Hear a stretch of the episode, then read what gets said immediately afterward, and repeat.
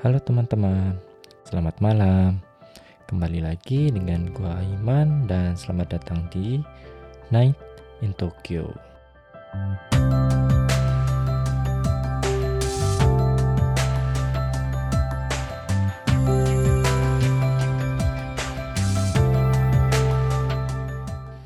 Halo teman-teman, kembali lagi dengan gua Iman di Night in Tokyo. Uh, gimana dua-dua minggu kita nggak ngobrol-ngobrol lagi tentang Jepang, tentang informasi yang ada di Jepang. Terus uh, seperti yang kalian tahu di episode uh, 19 kali ini, gua itu kedatangan teman-teman. Jadi dia itu orang Indonesia juga yang tinggal di Jepang. Jadi dia itu dulunya adalah representatif dari sebuah perusahaan lah yang mendatangkan anak-anak Jisuse dari Indonesia ke Jepang. Jadi Jisuse itu apa nanti kita bahas bareng-bareng dengan ada di sini uh, teman gue namanya Wira. Halo Wira. Halo. Ya uh, mungkin untuk pertama pertama bisa perkenalkan diri dulu uh, Wira ini siapa sih uh, di Indonesianya itu asalnya dari mana misalkan kuliah di mana terus kenapa datang ke Indonesia Oke, okay, uh, sebelumnya perkenalkan nama gue Wira. Uh, gue uh, belajar bahasa Jepang di Universitas Dharma Persada. Gue uh, lulus di tahun 2013. Setelah itu gue langsung uh, ke Jepang pertama kali di tahun 2013 untuk uh, semacam kayak pendidikan singkat gitu. Oh, Oke. Okay. Jadi gue dididik uh, sebagai manajemen leader waktu itu sekitar satu bulan. Setelah itu gue langsung kerja di Indonesia sebagai penerjemah interpreter sampai tahun 2018. Di tahun 2018 gue baru ke Jepang uh, melalui perusahaan yang tadi Aiman sebutin yang mengirim pemagang-pemagang uh, ke Jepang sebagai uh, representative staff. Hmm. Ya kurang lebih kayak gitu. Hmm. Oh ya, uh, pokoknya teman-teman nih, bagi kalian yang nggak tahu, mungkin nggak pernah dengar atau bahkan kalian beberapa dari kalian misalkan udah pernah dengar, jadi Jisuse itu kurang lebih kayak anak magang lah, ya bukan sih? Ya.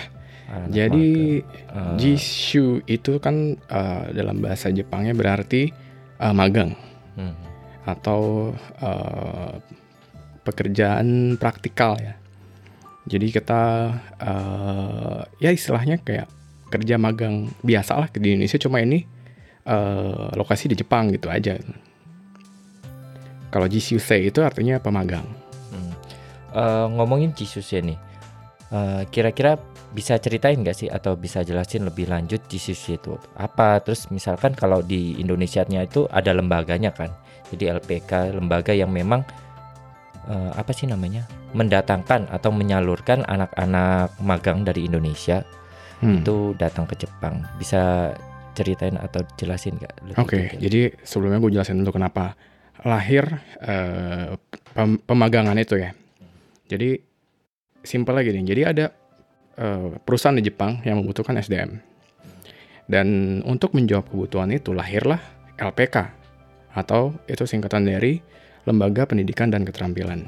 Jadi di sini uh, mereka menyiapkan SDM, mereka uh, menyediakan pendidikan juga dari mulai bahasa Jepang, manner bekerja di Jepang seperti apa, dan uh, kurang lebih gambaran Jepang itu negara yang seperti apa sih kayak gitu.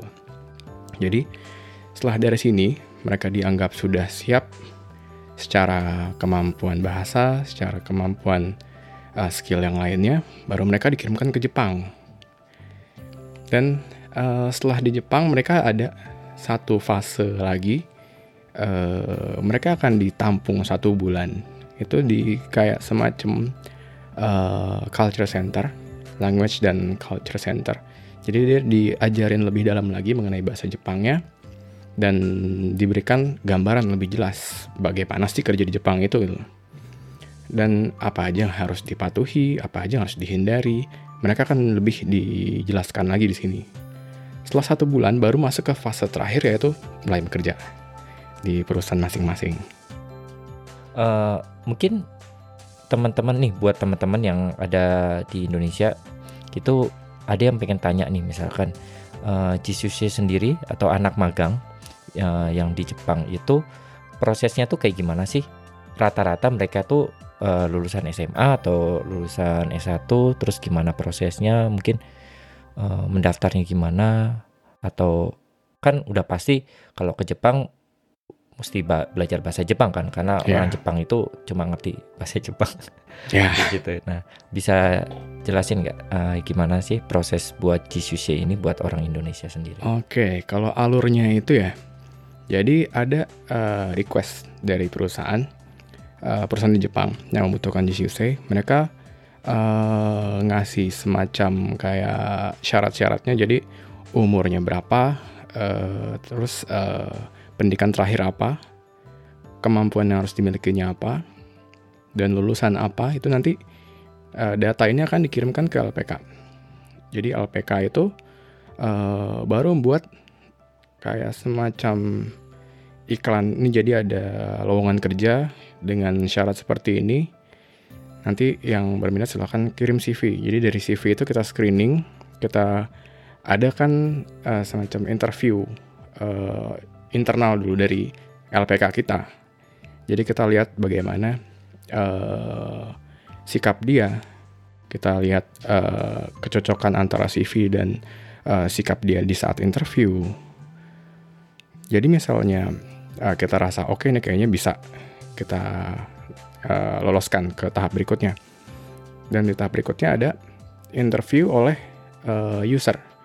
Yang dimaksud dengan user sini adalah uh, perusahaan yang membutuhkan SDM dan sebenarnya ada satu lagi uh, lembaga yang menjembatani antara uh, si LPK dan perusahaan ini. Kalau dalam bahasa Jepangnya disebutnya kumiai atau kanri dantai. Atau ada sebutan lainnya juga bahasa Indonesia perusahaan penerima.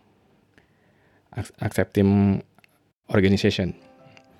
Jadi biasanya dari dua pihak ini, dari kumiai dan dari perusahaan datang ke LPK kita untuk interview langsung untuk ke tahap kedua ini ya. Begitu lolos, baru mulai ke fase berikutnya pendidikan, pendidikan di LPK, pendidikan bahasa Jepang dan manner tadi ya. Setelah dari sana, uh, selagi uh, kita melakukan pendidikan ke mereka, kita juga uh, urus dokumen-dokumen keberangkatannya untuk ke Jepangnya. Visa. Visa. Kalau untuk paspor itu syarat uh, pertama ya, misalnya kamu pengen uh, daftar nih ke program ya, kita. Daftar ya. Iya, harus ada harus punya paspor. Punya paspor dan dokumen-dokumen penunjang lainnya lah ya, kayak uh, KTP, KK itu harus lengkap. Ijazah segala macam. Nah, jadi setelah uh, pendidikan selesai, dokumen keberangkatan pun selesai, baru mereka siap berangkat. Gitu. Siap berangkat, baru nanti masuk ke yang tadi saya bilang ke Kumiai dulu. Di Kumiai dia akan dilatih uh, bahasa Jepang dan manner manner dalam perusahaan Jepang seperti apa dalam waktu satu bulan. Setelah itu baru ke masuk ke fase terakhir yaitu bekerja. Kurang lebih kayak gitu alurnya. Oh berarti masalah belajar bahasa Jepang dan manner dan segala macam itu belajarnya di Indo kan ya? Belajarnya di Indonesia dan hmm. di Jepang satu bulan. Uh, perusahaan yang bakal memperkerjakan dia sendiri itu dia bakal interview nggak sih ke calon uh, pekerjanya itu? Iya, Uh, jadi ada uh, beberapa kebijakan ya. Ada perusahaan yang uh, melepaskan uh, kepercayaannya langsung ke perusahaan tadi penyebatan itu Kumiai. Ada juga yang dia pengen ikut langsung juga pengen lihat anak-anaknya seperti apa sih. Jadi bareng Kumiainya. Jadi ada Kumiai, ada perusahaan si penerimanya, dan kita sebagai LPK itu interview anak-anak itu. Dalam bahasa Jepang, Dalam bahasa Jepang kalau tiga bulan belajar bahasa Jepang tuh kira-kira tanya ini apa tuh ya? Uh, sebenarnya sih kalau untuk interview itu memang dalam bahasa Jepang tapi nanti ada interpreternya yang uh, oh, mendampingi. Okay. Tapi at least kayak introduction mereka siapa itu yeah. apa sih namanya ya? Bahasa Jepangnya. Jiko Shokai. Eh Jiko Shokai. Jiko yeah. Shokai itu apa ya? Bahasa Perkenalan diri. Ya. Perkenalan diri. Iya iya iya. Ya, itu dalam bahasa Jepang. Iya, bahasa Jepang jangan-jangan yang video yang di YouTube yang kayak orang pakai apa sih namanya dasi dan segala macam terus ngomong dari layar itu pakai bahasa Jepang jajan kebanyakan dari LPK gitu-gitu ya Bisa jadi. bisa jadi Iya. oke terus kan itu prosesnya yang eh, berjalan di Indo gitu Hmm.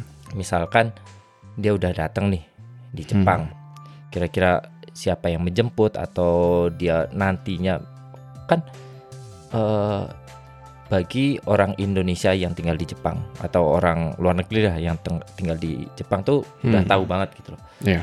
Jepang itu ribet dalam hal administrasi misalkan lu aja misalkan tinggal di satu daerah lu harus misalkan eh, apa sih namanya mendaftarkan ke kuyakusho atau apa sih ya kelurahan lah Iya. kalau di Indonesia tuh kelurahannya eh, at least dalam jangka waktu dua minggu terus kan mereka ini kan nggak tahu apa-apa gitu loh tentang Iya. Jepang nah itu tuh eh, apa sih namanya proses ketika dia datang ke Jepang sampai dia akhirnya bekerja tuh kayak gimana sih Ya, jadi eh, dari tiga eh, posisi tadi yang eh, gue bilang pertama LPK, Kumiai, dan perusahaan eh, yang membutuhkan Jisuse.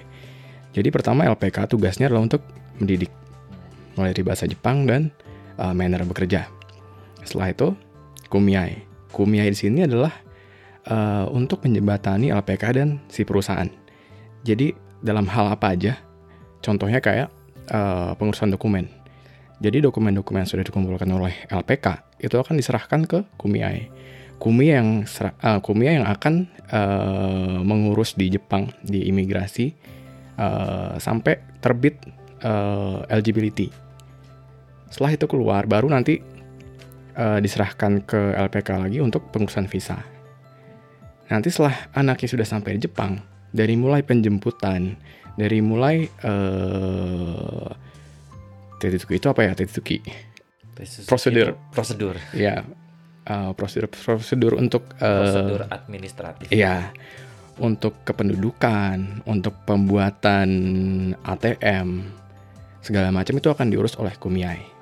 Jadi pokoknya setelah sampai Jepang, anak itu akan diserahkan ke Kumiai yang bertanggung jawab ya.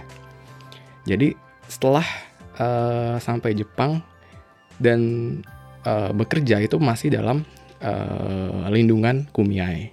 itu kerjaan lu kan tadi Kerjaan gue sebenarnya dari mulai LPK, dari Oh. mulai penyaringan CV, dari mulai interview, sampai pendidikan Jepang gue juga ikut bahasa Jepang di situ. Walaupun bukan divisi gue sebenarnya, cuma gue volunteer aja buat eh, ngelatih mereka. Setelah dari sana, eh, untuk alasan tertentu gue pindah ke Kumiai. Di sini baru ya kerjaan gue kayak gitu. Jadi support anak-anak di sini eh, dari mulai masuk ke Jepang dari mulai dia kerja ada masalah apa enggak misalnya ada masalah bagaimana jalan keluarnya itu kerjaan gue sampai nanti saat program pembagiannya selesai itu pengurusan-pengurusan dokumen kepulangannya seperti apa pengurusan eh, gaji dan eh, uang pensiun itu akan eh, gue juga yang bantuin Hmm. Berarti secara kasarnya itu si perusahaan itu sebenarnya nggak berhubungan kontrak langsung dengan si pemagang itu kan ya. Jadi kontraknya itu ada di apa dijembatani oleh Kumiai. Jadi kalau misalkan ada masalah ya ujung-ujungnya nyari si Kumiai perusahaan Kumiai itu kan. ya benar Hmm, Oke oke oke menarik menarik. Eh, Sebenarnya gue agak bertanya-tanya mungkin yang dengerin ini nih juga bertanya gitu loh. Hmm. Kan sebenarnya buat proses magang sendiri itu kan ribetnya setengah mati gitu loh. Iya. Kalau denger dari tadi kan Iya. kayak harus eh, interview bahkan untuk mendatangkan satu atau beberapa apa sih pemagang itu butuh tiga perusahaan gitu loh, Iya. Eh, dua perusahaan, satu perusahaan di Indo, satu perusahaan di Jepang. Nah sebenarnya eh, kenapa sih orang perusahaan Jepang itu banyak yang melakukan hal kayak gitu gitu? Kan kalau dipikir secara logis, kenapa nggak nyari orang Jepang sendiri gitu loh? Hmm. daripada harus ngurus ribet datengin orang yang orang Jepang juga bukan ngomong bahasa Jepang juga udah pasti ya begitu gitu loh Ya. Nah, eh, benefit dari mereka tuh sebenarnya apa sih Oke, jadi ini eh, bersambungan sama eh, kenapa lahirnya pemagangan itu. Jadi eh, tujuan pemagangan itu sebenarnya kalau untuk eh, GCUC-nya sendiri itu adalah untuk menyerap segala macam teknologi dan eh, keahlian-keahlian kerja yang sudah mereka serap di sini untuk dibawa pulang ke negara masing-masing untuk diterapkan di sana gitu entah mereka bekerja di perusahaan Jepang ini sana atau mereka bikin eh, bisnis sendiri atau bagaimana dan kalau untuk eh, meritnya sendiri untuk perusahaan Jepang untuk Jepang sendiri mereka eh, kekurangan SDM dan SDM yang kita berangkatkan dari uh, program pemagangan ini uh, terus terang aja ya murah. Jadi uh, pertama itu merit meritnya. Dan yang kedua, kenapa mereka ngambil dari luar? Karena uh, rata-rata bidang pekerjaan yang disediakan untuk uh, pemagangan ini uh, pekerjaan-pekerjaan yang apa ya, yang orang Jepang sendiri pun Males sih. males. Lebih apa kurang lebih kayak pekerjaan kasar atau buruh Iya. gitu kan ya. Hmm. Kurang lebih kayak gitu. Mungkin ada hubungannya ketika memang eh, ka- itu kan rata-rata di pabrik kan. Hmm, Pabrik itu udah pasti bukan di Tokyo gitu loh. iya. Kayak ada di daerah Inaka Inaka tuh apa sih? Aduh, Kampung, kampung, kampung pede- pedesaan. pedesaan. Iya, di situ kan. Dan iya, iya. eh, bukan hal yang asing lagi kalau orang Jepang apa negara Jepang itu di daerah pedesaan Hmm. atau di daerah kampung itu Hmm, ya sama kayak orang Indonesia pada datang ke Tokyo hmm, anak iya, mudanya. Iya, terus ditambah eh, biasanya ya yang udah ah, yang masih tinggal di situ kan udah tua-tua gitu. Iya, dan mereka mana mau gitu kan. Iya. bekerja sebagai apa? Itu sebenarnya. guru. Makanya oh dan itu nggak cuma Indonesia doang kan ya? Ya, kalau untuk eh, target pemagang ini sebenarnya ada di negara-negara Asia Tenggara ya. Cuma kalau untuk yang paling banyaknya itu sekarang Vietnam, Vietnam dan Indonesia. Eh, menarik sih karena eh, itu di di di satu sisi membantu buat orang Jepang juga. Hmm, di satu sisi emang itu kalau menurut gue adalah salah satu kesempatan yang menarik sih sebenarnya. Karena rata-rata emang orang magang yang datang ke Jepang sendiri pertama masih lulus SMA kan? Ya, masih lulus SMA terus mungkin kalau tadi udah dimention sedikit misalkan bagi orang Jepang itu adalah kayak dia membayar lebih murah daripada membayar orang Jepang. Ya, padahal padahal kalau kita dimatematika-kan menjadi rupiah gitu loh hmm, menjadi apa upah minimum yang dibandingin di Indonesia itu kan jauh banget gitu. Iya, kayak at least 10 juta lebih kan kalau dirupiahkan. Iya. Tetap aja kalau misalnya serendah-rendahnya juga tetap aja lebih tinggi daripada gaji mereka di negara asal ya. Hmm. Ngomongin Jisushi gitu nih. eh, mereka tuh sebenarnya kayak gimana sih kontraknya? Apakah mereka itu bakal eh, jadi magang terus di sana terus misalkan bisa jadi pegawai tetap misalkan atau seisain di Jepang atau mereka tuh memang punya term kayak misalkan berapa tahun atau berapa bulan dan mereka harus balik atau kayak gimana Eh, kontraknya sendiri kayak kayak gimana sih sebenarnya pada umumnya Jisushi itu Oke. sendiri? Kalau program Jishu itu program pemagangan pada dasarnya ya, yang umumnya eh, masa kerjanya ada yang pilihan satu tahun, ada yang tiga tahun. Ini yang yang umumnya. Tapi ada juga eh, kasus di mana cuma dua tahun, ada yang lima tahun, kayak gitu. Cuma kalau rata-rata yang lima tahun ya, itu awalnya mereka yang program tiga tahun cuma ada request permintaan dari perusahaan masing-masing gitu. extend gitu ya. Iya, ada kasusnya kayak gitu. Eh, pekerjaannya sendiri rata-rata orang Indonesia apa sih kalau di Jepang sendiri? Kalau pekerjaannya itu ada eh, beberapa macam bidang. Jadi yang paling besar itu adalah manufacturing. Jadi entah itu pengepresan, entah itu assembling, eh, apa namanya spare part spare part otomotif, atau ada juga pengolahan makanan, ada pertanian juga. Oh, jadi petani ya. Iya. ada cleaning service juga, Hmm. masih banyak lagi. Oh, ya intinya kayak ya kerja kasar sih ya kerja Iya, buruh kan. iya. Karena ya mungkin yang kalian eh, para pendengar Night in Tokyo ini pasti bertanya-tanya gitu. Memang di Jepang itu kayak ada pride-nya kali ya. Iya nggak sih ya? Ya, ada pride-nya gitu. Terus kayak memang pekerjaan yang hal-hal yang berhubungan dengan pekerjaan kasar atau kotor itu nggak populer gitu ya di Iya, Jepang nggak populer di Jepang terus eh, padahal secara apa ya secara income sebenarnya 11 12 kan ya sebenarnya kalau Iya. dibandingin kalau dibandinginnya juga sama eh, apa sih namanya Eh, pekerja kantoran gitu loh iya. karena di Jepang itu kalau kita bilang di Indonesia itu kuli kan. Ya. Kuli di Jepang sendiri ya gajinya sama dengan orang kantoran kan sebenarnya. Cuman memang memang nggak populer aja kan. sebenarnya. Iya, Dari situlah eh, muncul munculnya eh, kebutuhan buat datengin buruh iya. dari Vietnam, dari Indonesia. Eh, emang rata-rata ini ya apa sih namanya Asia Tenggara gitu. Asia Tenggara. Asia Tenggara. Ya nggak nggak heran sih. Iya, Kenapa memang, di mm. Jepang nih banyak banget orang Vietnam, Iya, orang Vietnam. Orang Indonesia sendiri sebenarnya banyak ya, banyak. banyak tapi nggak berkumpul di Tokyo gitu kan ya. Iya. Karena GCC Menyebar. kebanyak, kebanyakan di tempat Justru. Tokyo yang sedikit paling sedikit. Oh. Mungkin yang YouTube YouTube yang sering gua tonton itu banyak kan anak Jisuse gitu. Anak Jesus yang pas lagi main ke Tokyo mungkin. Main Tokyo kebetulan di Jepang. Iya, Wah, ngomongin eh sekatsu sekatsu itu kehidupan. kehidupan.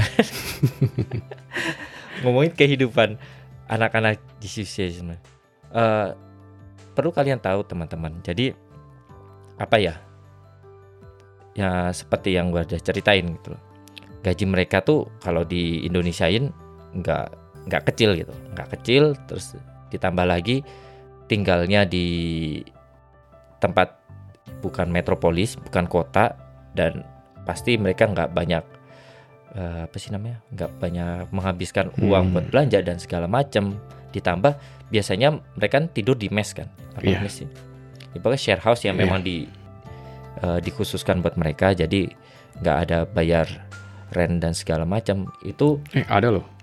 ada Tetap bayar. Oh, Cuma tetap bayar. ada Udah subsidinya. Oh, ada Ada subsidi. subsidi lebih murah. nah itu dia kenapa memang cukup menggiurkan gitu kan ya Iya, karena bisa mendapatkan apa pendapatan yang lumayan kan iya. walaupun eh, cuma setahun atau dua tahun iya. Nah, ngomongin masalah kehidupan mereka sendiri kan gua sendiri nih Hmm, sebagai orang yang datang sebagai eh, sebagai orang yang tadinya pelajar hmm.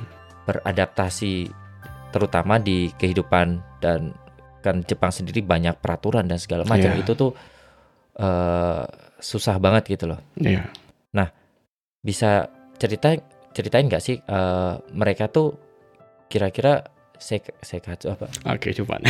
kehidupannya gimana sih Kehidupan ya. selain Hmm. selain apa ya namanya selain kerja gitu loh kan Hmm. mereka pasti punya kehidupan misalkan eh, kendalanya apa gitu loh Hmm, dari fase-fase adaptasinya mungkin ya ya. fase-fase adaptasinya karena Jepang ini bukan negara yang gampang buat Iya. di, diadaptasikan Iya. apalagi kita eh, berasal dari in- apa negara yang liar kayak Indonesia.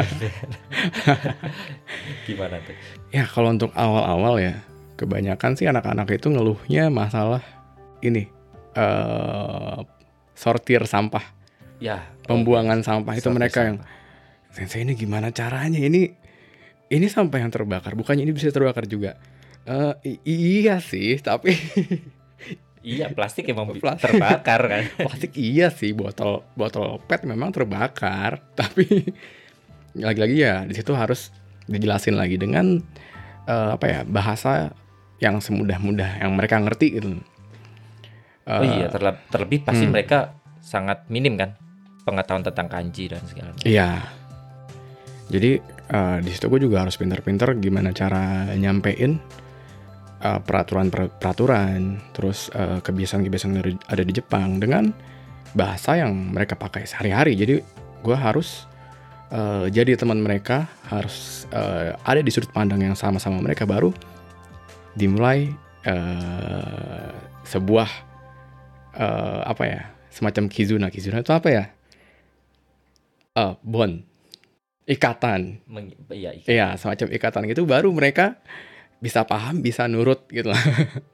Oh iya ya. Itu yang sebenarnya susah ya. Hmm, itu. Bukan bukan karena eh, karena pasti mereka ber- bertanya-tanya kenapa harus begini kan? Iya, benar. Padahal ya udah pasti di Indonesia ya sampah semuanya tumpukin aja jadi satu iya, gitu. tumpukin bakar sendiri bisa. Iya dibakar sendiri malah. sendiri bisa. Kalau di Jepang semuanya ada aturannya tuh. Terus ada Iya. ada lagi nggak sih kendala kendala, mereka? Kendala ya. Terus biasanya sih kalau makan nggak ada masalah ya. Eh, memang banyak yang muslim ya. Banyak yang muslim dan tahu sendiri di Jepang kan nyari yang benar-benar halal tuh susah ya. Oke lah itu ayam atau sapi cuma pemotongannya kayak gimana kan kita nggak tahu. Ya nggak tahu. Tapi kalau untuk hal ini eh, banyak banget dari mereka yang ah, ya udahlah ya Ya sensei. udahlah ya. Eh, Yang penting bukan babi. yang penting bukan babi itu cuma ada juga orang yang sama sekali nggak makan akhirnya masak sendiri gitu jadi eh, beli ikan beli sayur masak sendiri di rumah bikin semacam bekal buat ke kantor kayak gitu Mereka sendiri kalau ibadah dan segala macam ibadah ya mungkin gue sih nggak nggak memukul rata Hmm. semua orang Indonesia yang Muslim datang ke Indonesia tuh taat gitu. Tapi Hmm, hmm, hmm. pasti ada lah sebagian dari mereka tuh yang gue harus eh, misalkan kan pasti ada dua sholat Hmm. yang masuk di dalam satu jam kerja jam kerjanya Iya. itu, itu gimana sih? Jadi ini balik lagi ke kebijakan eh, perusahaan ya. Pada umumnya itu nggak diperbolehkan. Eh, kecuali memang kalau eh, jam istirahat dan ada tempatnya. Jadi kadang-kadang ada kendala. Mereka memang di jam istirahat, cuma karena nggak ada tempat, mereka di sembarang tempat. Dia eh, kerja di pabrik eh, pengepresan, nggak ada tempat untuk sholat. Untuk wudhu juga nggak ada. Jadi dia wudhu di eh, toilet. Toilet Jepang kan kering ya. Jadi Oh iya. ini dibuat wudhu, dibuat nyuci segala nyuci kaki segala macam ya Lantainya basah, basah. lantainya basah. Dan dia sholat di ya udah yang yang ada space aja di dalam pabrik itu ya tentu kan bahaya. Jadi sebenarnya itu sih apa alasan perusahaan nggak memperbolehkan itu bukan masalah kenapa-napa gitu. Cuma untuk masalah keamanan aja sih. Nah itu menjebatannya gimana ya? Menjebatan. biasanya eh, anak-anak pada eh, tanya kan sensei ini gimana ya kita pengen sholat gini-gini ah jujur ya gue untuk masalah agama gue nggak begitu tahu. Cuma setahu gue itu kan bisa di ada istilahnya kodok ya kalau nggak salah ya. Oh di di disatuin. iya disatuin. Disatuin. Jadi kalau bisa ya disatuin ya di rumah. Kan eh, kondisi kita juga lagi kayak gini kita kerja di Jepang. Dan kalau memang kamu eh, udah punya tujuan kamu udah punya target kamu kerja di Jepang harusnya kamu tahu dong kondisinya bakalan kayak gini. Oh Iya sih, sensei ya. Iya, iya. ya kalau kalau kayak gitu pinter-pinter kita bolak-balikin situasi bolak-balikin kata-kata aja sih. Biar mereka paham. Tapi biasanya ad- ada nggak sih yang memang oh oke karena udah kenal misalkan. Hmm, memang problemnya di Jepang itu bukan kita nggak menghormati agama mereka hmm, tapi orang Jepang tuh emang nggak tahu gitu loh. Iya agama yang lain gitu loh. Iya. Bahwa agama ini misalkan kebutuhannya ini agama ini. Nah ada nggak sih yang akhirnya karena udah banyak nih hmm, dengan kasus kayak gitu oke ketika mereka datang di generasi berapa gitu loh. Hmm. udah semuanya itu udah ada tempatnya udah disediain udah ada jalannya ada nggak sih? Oh itu banyak. Oh udah banyak ya. Jadi rata-rata jisuse jisuse atau pemagang yang eh, yang udah deket sama orang kantornya itu banyak yang nego eh, untuk dis- minta disediakan tempat sholat, tempat wudhu. Jadi akhirnya eh, kohai-kohai atau junior-junior yang mereka eh, kirimkan setelah mereka itu udah, Udah ada merasakan. dari Iya. Oh, udah ada tempat sholat, udah ada tempat wudhu kayak gitu. Banyak juga sih kasus kayak gitu. Hmm, menarik sih ya. Hmm, Karena eh, itu langka banget sih sebenarnya tempat Iya. kayak gitu di Jepang karena kalau di Tokyo memang pengetahuan tentang dunia luarnya mungkin akan jauh lebih luas gitu. ya, Kalau di tempat yang masih Jepang Iya. banget gitu kan, kayaknya agak susah. Oke, gue pengen tahu juga nih sebenarnya, kan mereka itu rata-rata kontraknya antara setahun, dua tahun, pak, mungkin maksimal tiga atau lima tahun gitu. loh. Iya. Nah, mereka itu kan eh, kalau di Jepang tuh ada ada namanya sheishain kan, maksudnya pegawai tetap gitu. loh. Iya. Dan pegawai untuk menjadi pegawai tetap sendiri itu tuh bukan hal yang mudah gitu loh di Iya. Jepang. Dan mereka tuh kan karena bukan sheishain, kalau misalkan kontraknya habis, otomatis mereka mau nggak mau harus balik kan, harus pulang. harus balik. Nah, biasanya mereka setelah eh, kontraknya habis, ada yang apa, misalkan apakah mereka bakal pulang atau memang ada yang menemukan jalan lain supaya mereka bisa tetap tinggal di Jepang. Oke, jadi kalau untuk jalur setelah mereka selesai program pemagangan ini ada beberapa. Yang pertama, eh, mereka bisa eh, extend 2 tahun. Itu berdasarkan perjanjian antara si pemagang dan eh, perusahaan. Apabila memang dibutuhkan ya mereka bisa gitu. Jadi visa akan disponsori oleh eh, si perusahaan yang bersangkutan. Dan misalnya udah eh, perpanjang 2 tahun ini, eh, pihak Kumiai dan LPK udah lepas tangan biasanya. Oh, Karena- karena, udah bukan Iya, menjadi penjebatan mereka kan. benar. Kontrak awalnya kan memang tiga tahun. Setelah itu eh, kontraknya ada di anak ini dan perusahaan.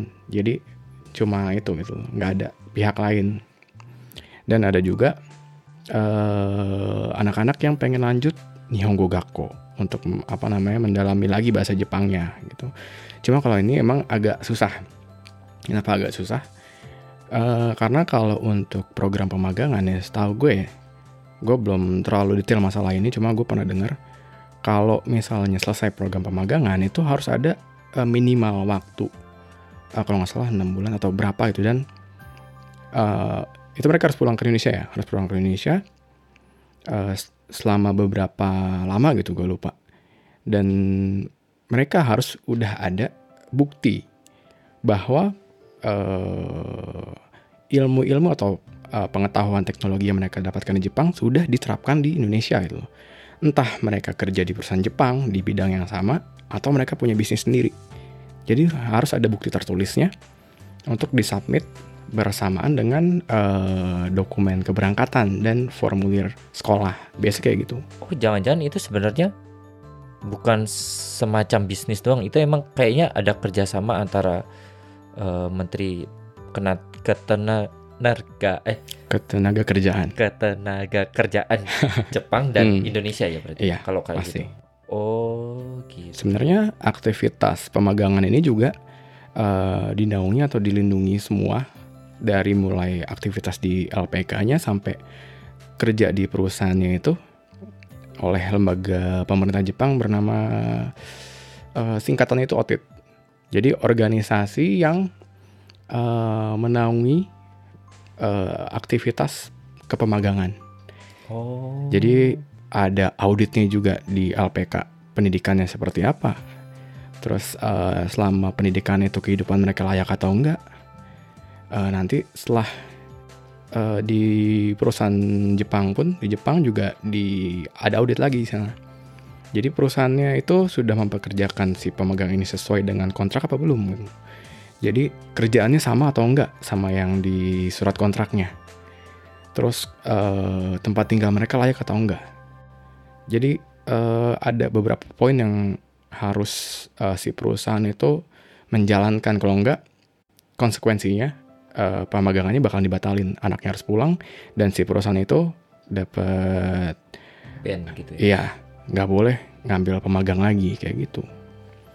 Oh, menarik juga ya. Hmm, bahkan eh, ada bagian tertentu buat ngurusin si pemagang doang gitu. iya Ini ini bukan bukan masalah ketenaga ketenaga Ketenaga kerjaan secara kerjaan. menyeluruh kan cuma Iya, pemagangan doang. pemagang. Oh gitu. Jadi emang rata-rata mereka setelah apa sih namanya menjalani semua magangnya rata-rata emang pulang kan ke Indonesia. Pada dasarnya harus pulang. Emang pada dasarnya harus Iya. pulang. Eh, Ada yang nggak pulang gitu-gitu ada nggak sih? Ada kasusnya. Jadi eh program pemagangnya udah sampai eh, tahap yang mau selesai nih. Jadi tiga tahun. Udah kiri-kiri kiri. Giri-giri eh, mepet, mepet, Mepet, mepet, mepet. mau selesai, mepet, Mepet. mau selesai. Biasanya anak-anak itu nabung cutinya.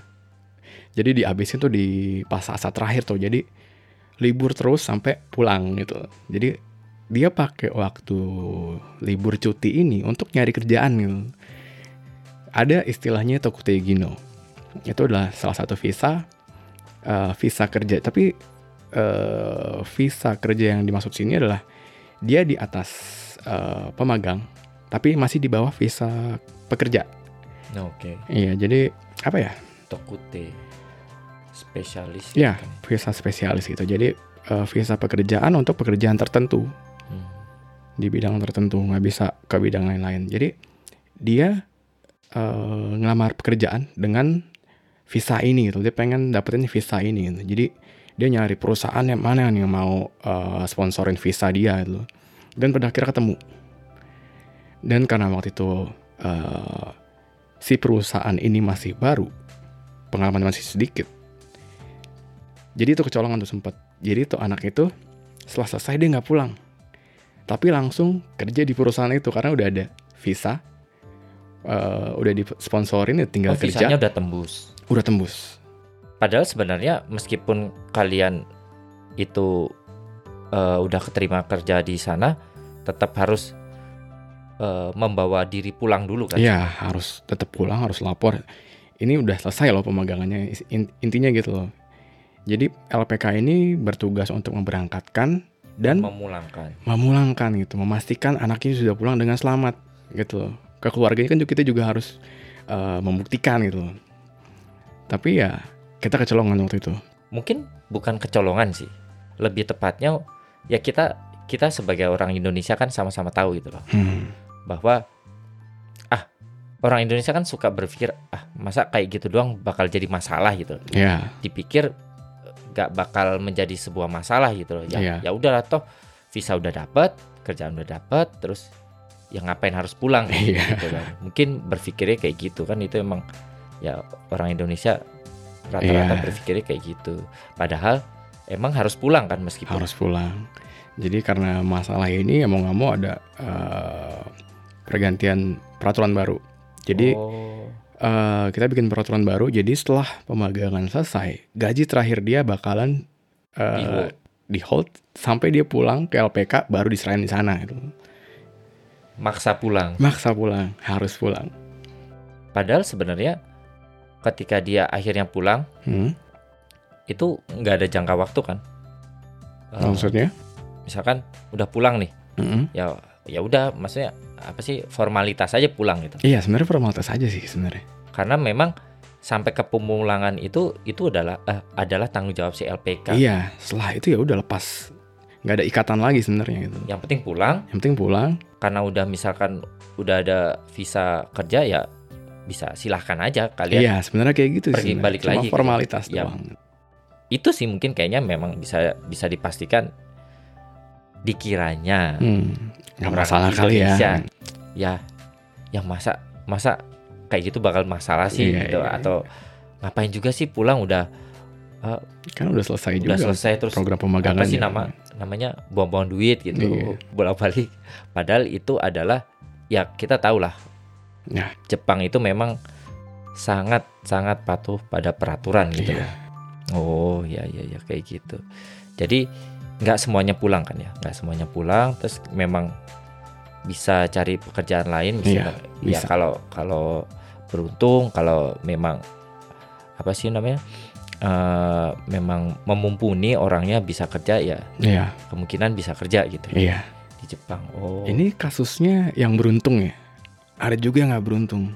Jadi eh, ada anak yang ditawarin kerjaan nih. kamu daripada situ mendingan di perusahaan kita aja deh gajinya lebih gede kayak gini-gini di di Itu belum tawarin. belum selesai kontraknya. itu belum selesai di Oh, tengah-tengah oke. kontrak loh Di tengah-tengah kontrak. tengah-tengah kontrak ada yang nawarin kayak gini dan ini banyak loh sebenarnya Oh, oke. Hmm. dan si anak ini tergiur tergiur Karena gajinya lebih besar. gajinya lebih Oh, besar oke.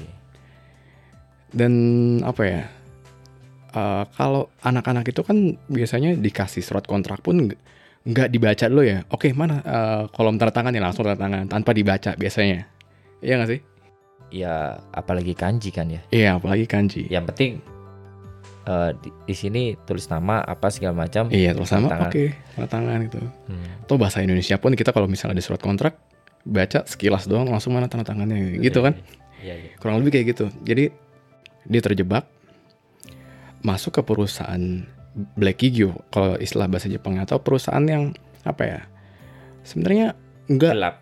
Gelap. enggak selalu ilegal enggak Eh, cuma banyak sekali pelanggaran-pelanggaran eh, Masalah ketenaga masalah ketenaga kerjaan itu dari mulai jam kerja dari mulai pembayaran upahnya segala, segala macamnya deh pokoknya Meskipun iming-imingnya bakal digaji lebih besar gitu. iya Ah, terus terus. cuma nanti dapatnya berapa kita nggak tahu gitu jadi anak ini udah masuk sini Oke.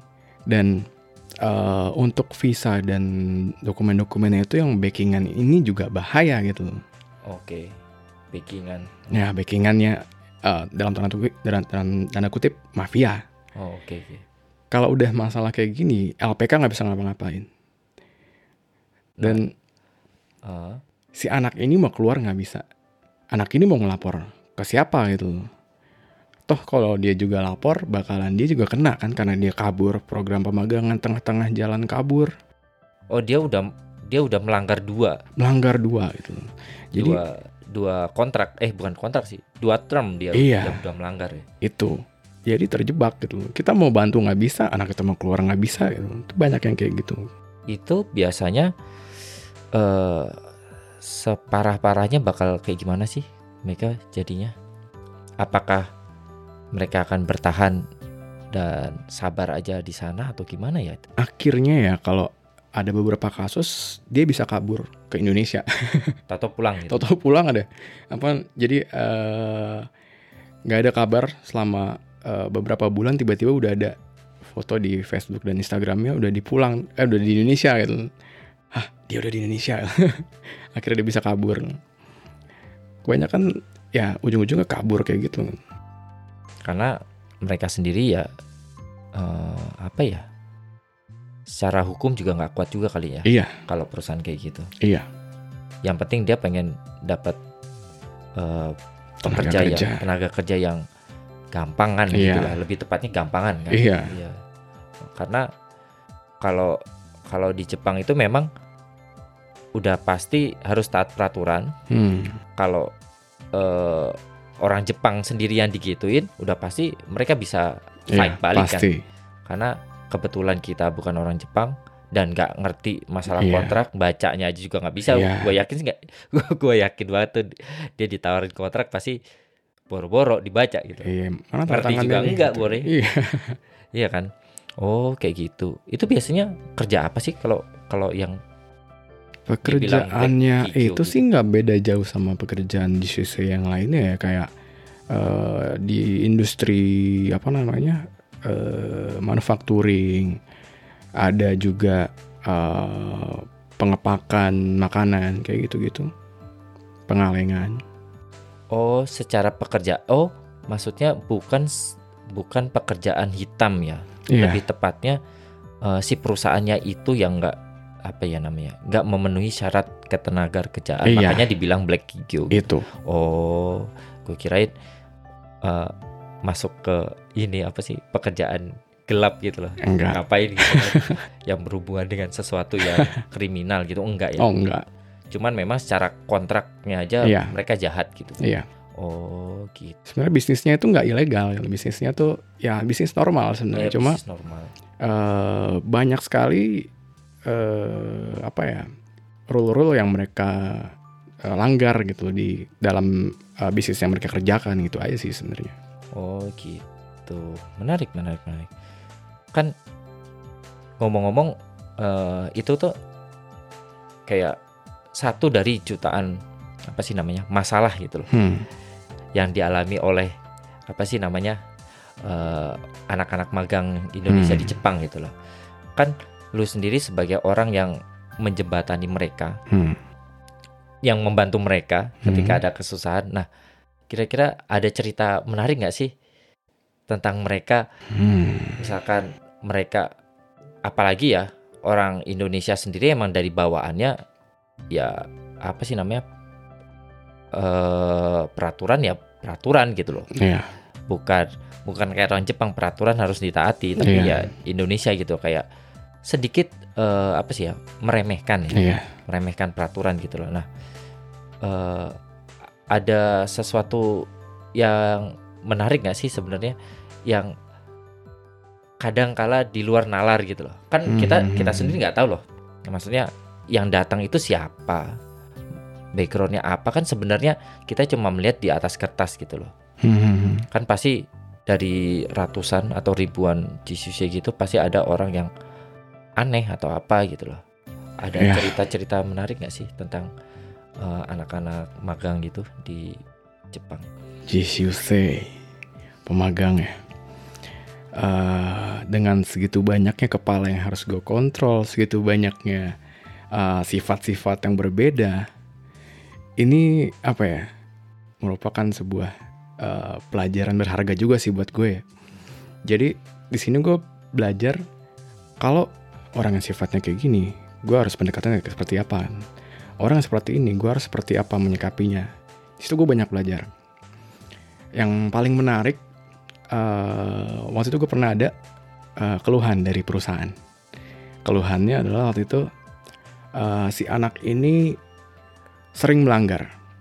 Dia nggak pakai alat pengaman dalam bekerja. YOLO lah ya. Iya nggak pakai alat APD dia. Padahal eh, pekerjaan itu pengepresan banyak mesin-mesin yang berbahaya panas dia nggak pernah pakai dibilangin nggak di ngeyel ngeyel. Ah, ngeyel. Bahasa Jepang ngerti sebenarnya pinter anak itu. Cuma emang ngeyel aja gitu. Sampai eh, orang kumiainya, sampai orang perusahaannya udah nyerah gitu sampai eh, ngomong ke gue tuh, "Sensei, minta tolong ya." Ibarat tuh kayak nih lo tanganin deh. Nggak selesai nggak apa-apa yang penting nih kita udah nyerah kayak gitu. Sampai kayak gitu. Emang anak ini eh, ngeyel banget gitu di sini gue mikir di mana salahnya Per- eh, pertama gue eh, perkenalan sama mereka bareng sama orang Kumia itu kan ya gue waktu itu eh, datang ke perusahaannya langsung ngeliat ke tempat kerja anak itu Eh, kostum gue lengkap full sebagai eh, apa ya perwakilan LPK pakai suits rapi Iya lah, pokoknya Iya. Dan anak itu ngeliat gue kan. Baru baru pertama kali ngeliat gue. Dia ngomong sama temennya. Eh, siapa tuh? Sensei baru ya? Iya. Bukan orang Jepang ya? Orang Jepang bego. Ah, enggak orang Vietnam itu. Nah, oke oke di depan gue, di, dia kayak gitu. Seolah-olah kita nggak ngerti bahasa Indonesia Iya. Wah, mereka kira gue orang apa nih? Terus gue langsung, ya perkenalkan saya eh, sensei yang ngawasin kalian yang baru ya. Mereka langsung, "Eh, oh, oke, eh, iya sensei. Rasain loh. Terus, oke, gue setelah mereka selesai dari kerjaannya, gue balik ke eh, tempat tinggal mereka bareng orang Kumiai. Jadi gue di situ eh, sedikit eh, ngelihat bagaimana sih pendekatan orang Kumiai ke anak-anak ini. Kebetulan orang Kumiai itu orang Jepang.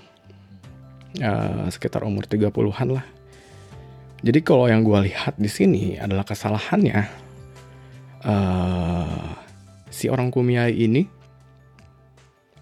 dia cuma apa ya ngasih tahu dia cuma memerintah nggak ngajak oh Kayak ngasih gitu. tahu doang ngasih tahu merintah ngomel taunya kalian salah gitu.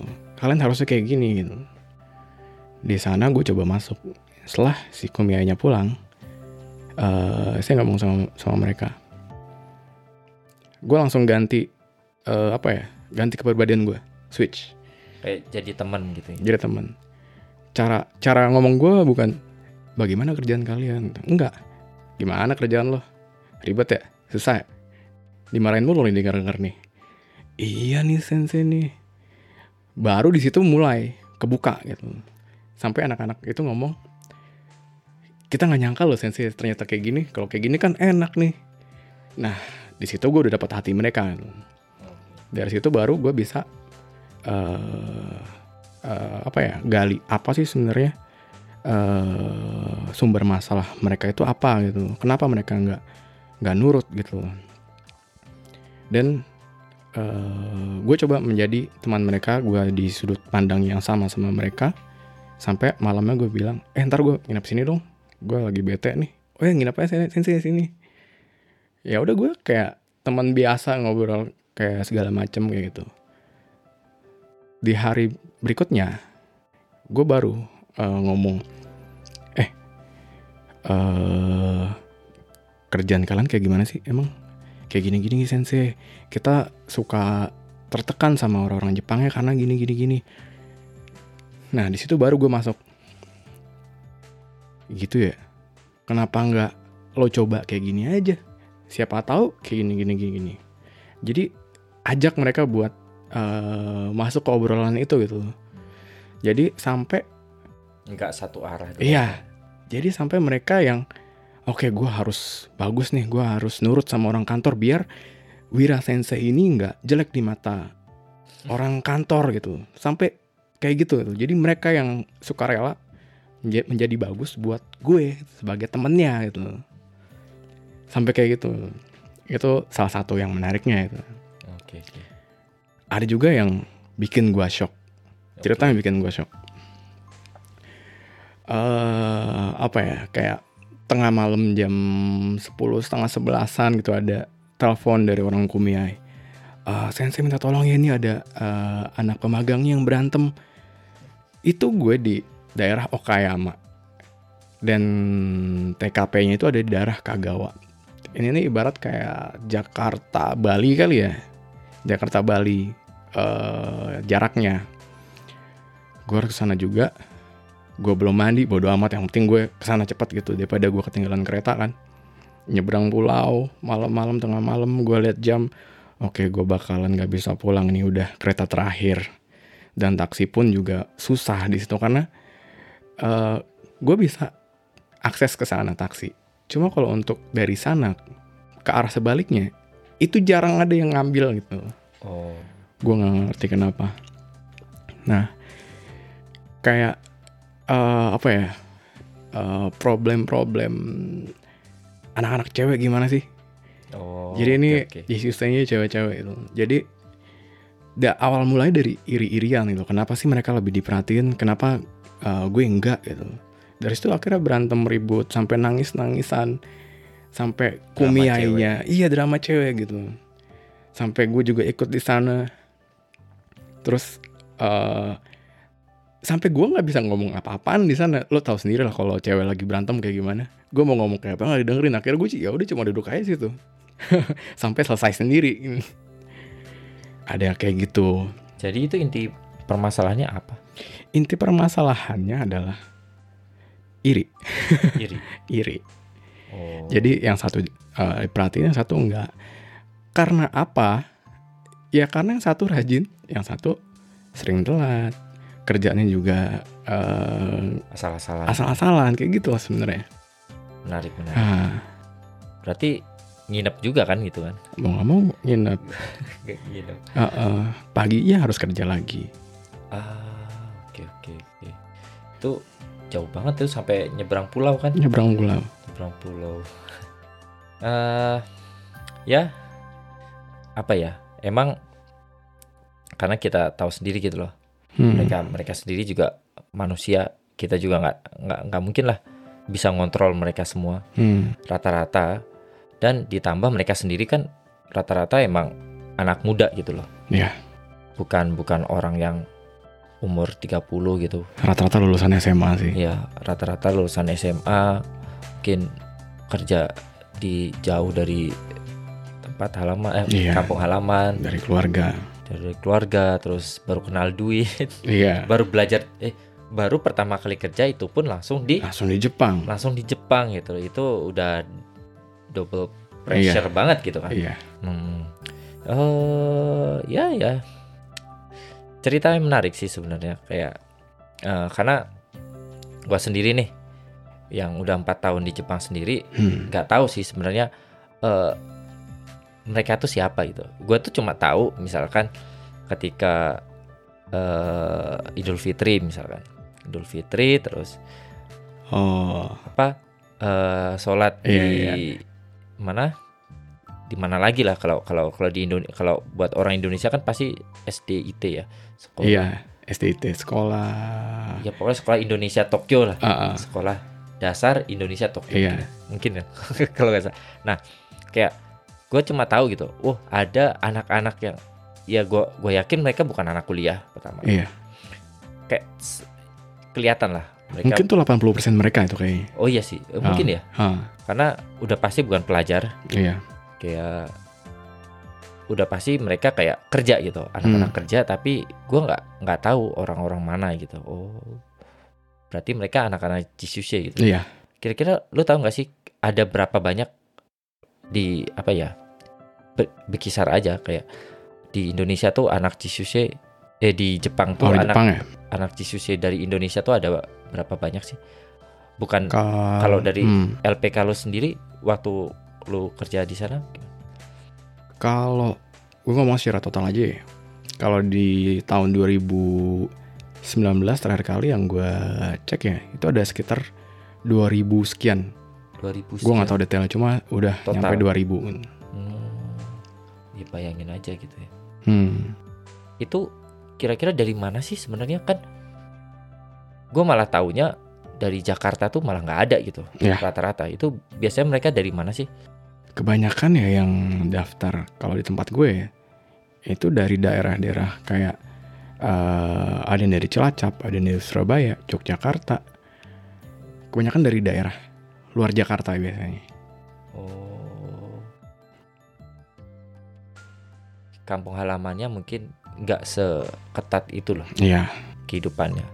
Kayak hidupannya slow, buang sampah ya boro-boro Iya. dikumpulin kan. tinggal buang. tinggal buang kan. Gak usah udah udah pasti mereka yang apa sih namanya ya? Kenapa sih harus begini? Kenapa sih? Iya. Nah, ya itu sih teman-teman. Kalau kita memang eh, tinggal di negara orang ya kita harus mengikuti Ya, eh, budaya mereka lah segala macam. Ya mungkin sekian sekian dulu cerita tentang apa sih Jisushe atau yang bisa eh atau dalam bahasa Indonesia adalah anak-anak magang. Ya. Jadi eh kalau memang bagi kalian yang masih SMA atau sebenarnya S1 juga bisa ya S1 juga bisa. yang masih bertanya-tanya gitu loh. Eh, bisa nggak sih ke Jepang kerja apa segala macam? Sebenarnya bisa ya, bisa. Ya, Cari aja LPK ada di mana-mana kan ya. ada ada di mana-mana. Jakarta atau kota-kota besar gitu. Iya, Ada di mana? LPK ya prosedurnya udah diceritain tadi ya di Iya. awal sama Wira kayak gimana dan mereka rata-rata pun bukan orang yang eh bukan orang yang dari dari sananya bisa bahasa Jepang kan ya. iya, nol. Semua dari nol ya. Ada yang bisa bahasa Jepang, ada juga yang udah eh, apa namanya? Shikeng atau apa ujian kemampuan bahasa Jepang yang sudah level N2 itu udah ada. Oh, tapi S1, Rata-rata N2 emang nggak cuma bisa ya? ikut ini. Rata-rata nggak bisa, rata-rata nol.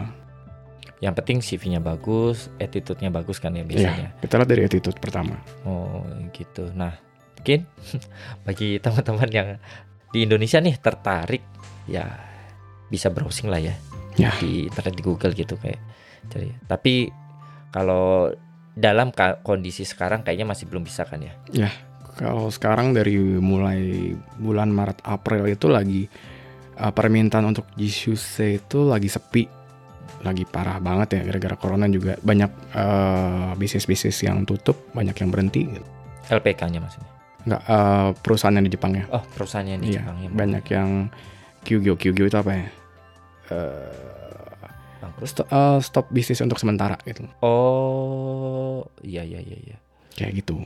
Apa ber- berhenti beroperasi Iya, untuk sementara. Mungkin setelah semuanya membaik kali ya. iya.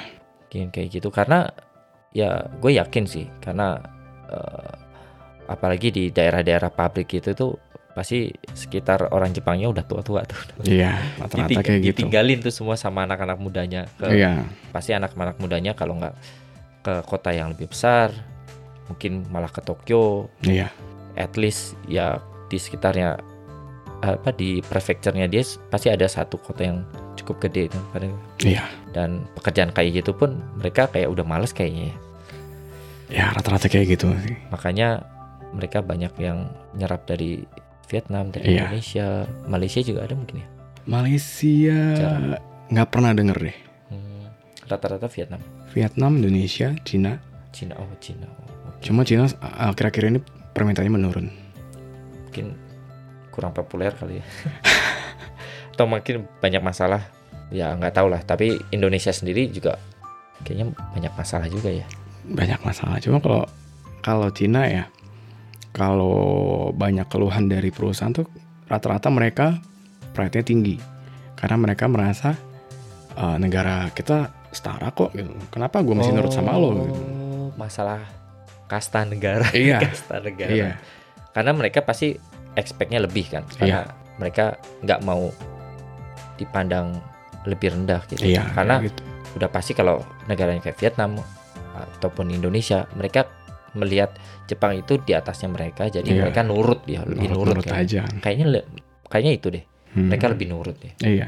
karena ya oke eh sekian dulu pokoknya tentang anak magang yang di Jepang kalau kita cerita semua tentang drama-dramanya itu mungkin Ya. kita seharian gak bakal habis gitu Iya. kayak pokoknya Benar. emang seru banget gitu loh nah kayak gitu pokoknya ya sekian dulu deh pokoknya tentang anak magang Indonesia di Jepang terima kasih buat Wira Yo, sama-sama. atas waktunya eh, menyempatkan apa meluangkan waktunya untuk datang jauh-jauh ke sini ke studio Night in Tokyo.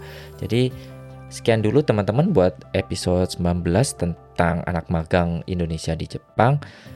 Eh, buat kalian yang belum follow Instagram Night in Tokyo bisa di follow di eh, night.in.tokyo di Instagram atau kalian bisa juga kunjungin website Night in Tokyo di nightintokyo.com kalian bisa baca-baca blog yang gue tulis juga di sana atau bisa dengerin langsung podcast eh, semua podcast yang udah gue buat di website itu langsung. Dan ya gratis karena podcast gratis.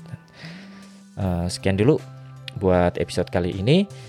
Eh, selamat malam selamat beristirahat dan sampai jumpa dua minggu lagi di episode selanjutnya. Dan selamat beraktivitas kembali besok. Dan sekian dulu dari saya. Sampai jumpa di episode selanjutnya dan bye bye